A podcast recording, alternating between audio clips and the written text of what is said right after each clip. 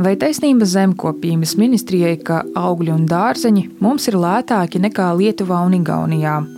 Vai Zviedrija patiesi Covid-19 krīzi pārvarējusi veiksmīgāk par citām valstīm, kā to lasām populāros sociālo mediju ierakstos? Un kāpēc finanšu ministrs Jānis Rērs no jaunās vienotības turpina izplatīt maldinošo vēstījumu, ka Covid-19 pabalstos izmaksāti 700 miljoni vai pat miljards eiro. Mani sauc Anija Petrova, esmu Rebaltika žurnāliste un uz šiem jautājumiem meklēšu atbildes jaunākajā faktu pārbaudas projekta Rīčeka dezinformācijas apskatā. Sākšu ar dārzeņu cenām. Pirms trim gadiem lauksaimniekiem un tos pārstāvošajai zemkopības ministrijai izdevās pārliecināt likumdevējus, ka Latvijai raksturīgiem svaigiem augļiem un dārzeņiem jāpiemēro samazināta pievienotās vērtības nodokļa jeb PVN likme. 5%, nevis 21% kā citām precēm. Nu pat valdībā nolems šo samazināto PVN likmi augļiem un dārzeņiem saglabāt arī turpmāk. Zemkopības ministrija pretēji Finanšu ministrijai uzsver, ka samazinātā PVN efekts visos rādītājos ir pozitīvs. Zemkopības ministrija medijos vēstīja par vēl vienu būtisku ieguvumu - cenām. Tās šajā produktu grupā esot samazinājušās, turklāt Latvijā, citēju, šī cena visā apsekošanas periodā ir zemākā starp Baltijas valstīm.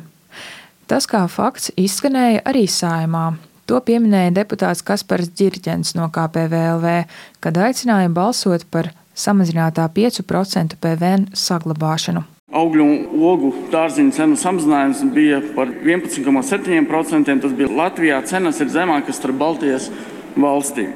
Šis apgalvojums mūsu uzmanību piesaistīja, jo medijos regulāri lasāms pretējais. Proti, lai gan Latvijā vienīgajā no trim Baltijas valstīm dārziņam un augļiem ir samazinātā PVN likme, Igaunijā tā joprojām ir 20%, Lietuvā 21%, pie mums tie nebūtu nav lētākie. Uz to pēdējo divu ar pusgadu laikā atkārtoti norādījusi arī lauksaimniecības tirgus veicināšanas centra vadītāja Inguna Gulbe arī pirms nedēļas Latvijas radio raidījumā Kā labāk dzīvot. Mums, piemēram, nav viszemākās dārzeņu cenas Baltijā.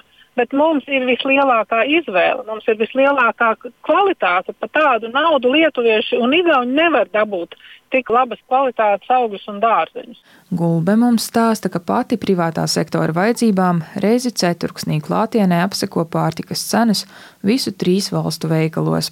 Piemēram, šā gada jūnijā no 18 dārzeņiem un augļiem, kam tiek piemērots samazinātais PVN, Vairumam, jeb 11 pozīcijām, zemākā cena bijusi Lietuvā. Pie mums vislētākie bijuši tikai vietējie gurķi un tomāti, plūmes un ievestās zemenes. Būtiskākā atšķirība ir kartupeļu cenā.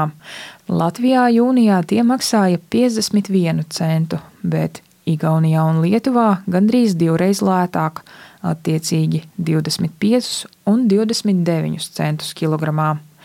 Zemkopības ministra biroja vadītājs Jānis Eglīts par šādiem datiem ir izbrīnīts. Tā, nu man ir, man ir jājautā, kas ar Ingu un Gulbu un uh, kā viņa, teiksim, nu, uh, viņas pētījumu es neesmu redzējis.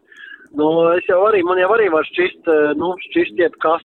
To, ka Latvijā ir lētākie augļi un dārziņi, rādot cenu apsekojumus, ko pēc ministrijas pasūtījuma veids Latvijas lauksaimniecības universitātes eksperti. Tā saka Eglīts. Taču viens no apsekojuma autoriem, LLU pētnieks Aleksējs Nipers, mums atzīst, ka šāda secinājuma ministrijai sniegtajos datos nav. Ja tas nebija nec uzdevums, nec mēs uz to esam fokusējušies. Tāpat nevar apgalvot, ka par augļiem un dārzeņiem maksājam mazāk nekā 2017. gada decembrī, kad vēl bija spēkā PVN standarta likme. Pētījums gan apliecina, ka samazinātais PVN atstājis pozitīvu iespaidu uz cenu, proti, Ja spēkā būtu pilna likme, mēs maksātu vēl vairāk nekā tagad. Tas, ko mēs esam secinājuši un par ko es varu apgalvot, nu, pēc labākas sirdsapziņas, ko mēs tur esam rēķinājuši, metodoloģijas, mēs esam rēķinājuši, ka jā, tas ir noticis samazinājums par 11,7% pret bāzi, kāda cena būtu bijusi ja PVN netiktu samazināts. Tātad apgalvojumam, ka Latvijā ir lētākie augļi un dārzeņi, nav pamata. Lauksaimniecības tirgus veicināšanas centra vadītāja Inguna Gulbega uzsver, ka cena nav galvenais iemesls, kāpēc samazinātais PVN būtu jāpiemēro gan dārzos izaudzētajiem, gan citiem pārtikas produktiem. Jāņem vērā arī nodokļu maksātāju skaita pieaugums, uzņēmēju konkurētspēja un citi rādītāji. Turklāt samazināto nodokļa likmi pārtikai piemēro vairums Eiropas Savienības valstu. Tik tālu par augļu un dārzeņu cenām, bet turpinājumā pievērsīsimies finanšu ministra Jāņa Reira teiktajam par Covid-19 pabalstiem. Šovasar Rīčeka vērsa uzmanību, ka jaunās vienotības biedri premjerministrs Krišjānis Kariņš un finanšu ministrs Jānis Rērs maldina sabiedrību par Covid-19 krīzes pārvarēšanai un ekonomikas atlapšanai paredzēto 2 miljardu eiro sadalījumu.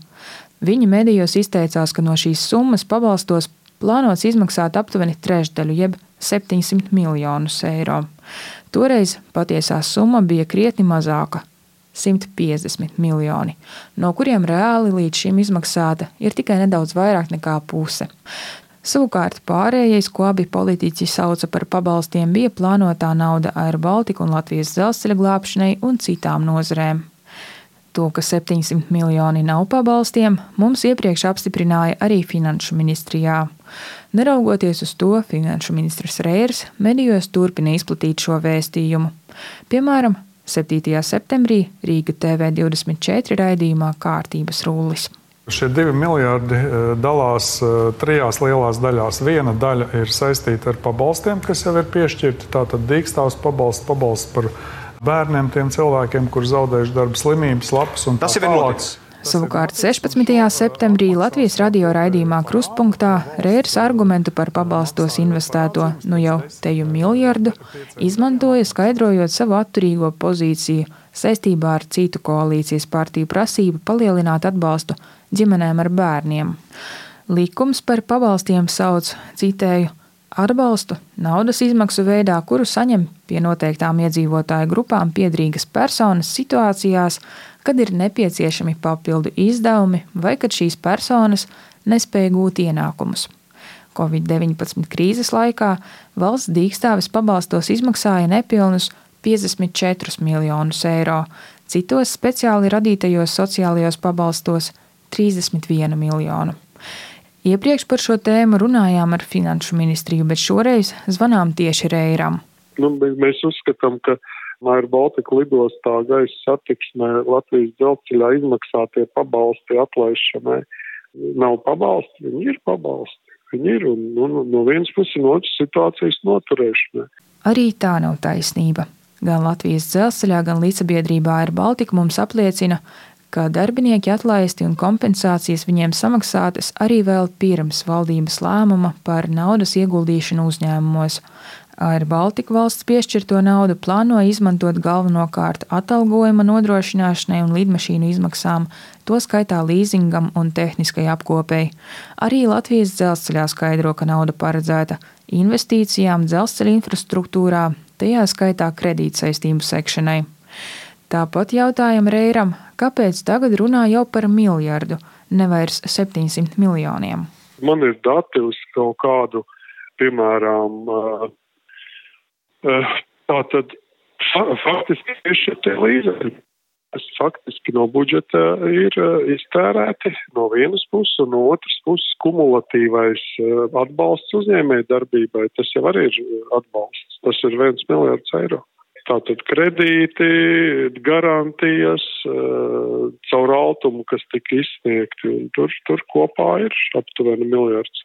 Taču jāatgādina vēlreiz, likums par pabalstiem sauc izmaksāto naudu pie noteiktām grupām piedrīgiem cilvēkiem, kad nepieciešami papildu izdevumi vai kad viņi nespēja gūt ienākumus. Turpinājumā stāstīšu, kādus mītus saistībā ar Covid-19 krīzes pārvarēšanu Latvijā izplata par Zviedriju. Sociālajos medijos cilvēki Covid-19 ierobežojumus nereti apšauba kā pamatojumu minot Zviedriju. tā esot spējusi slimību kontrolēt, neieviešot būtiskus ierobežojumus un tā nenodarot kaitējumu ekonomikai. Pārbaudījām dažus populārākos mītus. Vai tiesa, ka Zviedrija neieviesa ierobežojumus? Tas tikai daļēji atbilst patiesībai. Valdība aizliedza pulcēties vairāk nekā 50 cilvēkiem un apmeklēt veco ļaužu namus, taču, piemēram, neslēdza visas skolas, attālinātas mācības tā ieteica tikai vidusskolās un augstskolās. Atšķirībā no daudzām citām Eiropas valstīm, Zviedrijas valdība arī neierobežoja cilvēku iespējas uzturēties ārpus mājām. Vienlaikus valdība rekomendēja ievērot piesardzības pasākumus, piemēram, aicināja nedoties ārpus Zviedrijas, pēc iespējas strādāt no mājām, nerīkot plašas svinības mājās, ierobežot izlaidumu un tradicionālo svētku Valpurķa nakts svinēšanu. Zviedrijas galvenais epidemiologs Anders Stegnels skaidroja žurnālam Nature, ka Zviedrijas likums par lipīgu slimību ierobežošanu galvenokārt balstās uz individuālo atbildību. Sākotnēji šiem ieteikumiem bija liela ietekme uz cilvēku rīcību, taču ar laiku brīvprātīgā paklausība mazinājās. Iespējams, tā rezultātā Zviedrijā mirstība bija augstāka nekā citās Ziemeļvalstīs. Šobrīd tur ar covid-19 bojā gājuši teju 6000.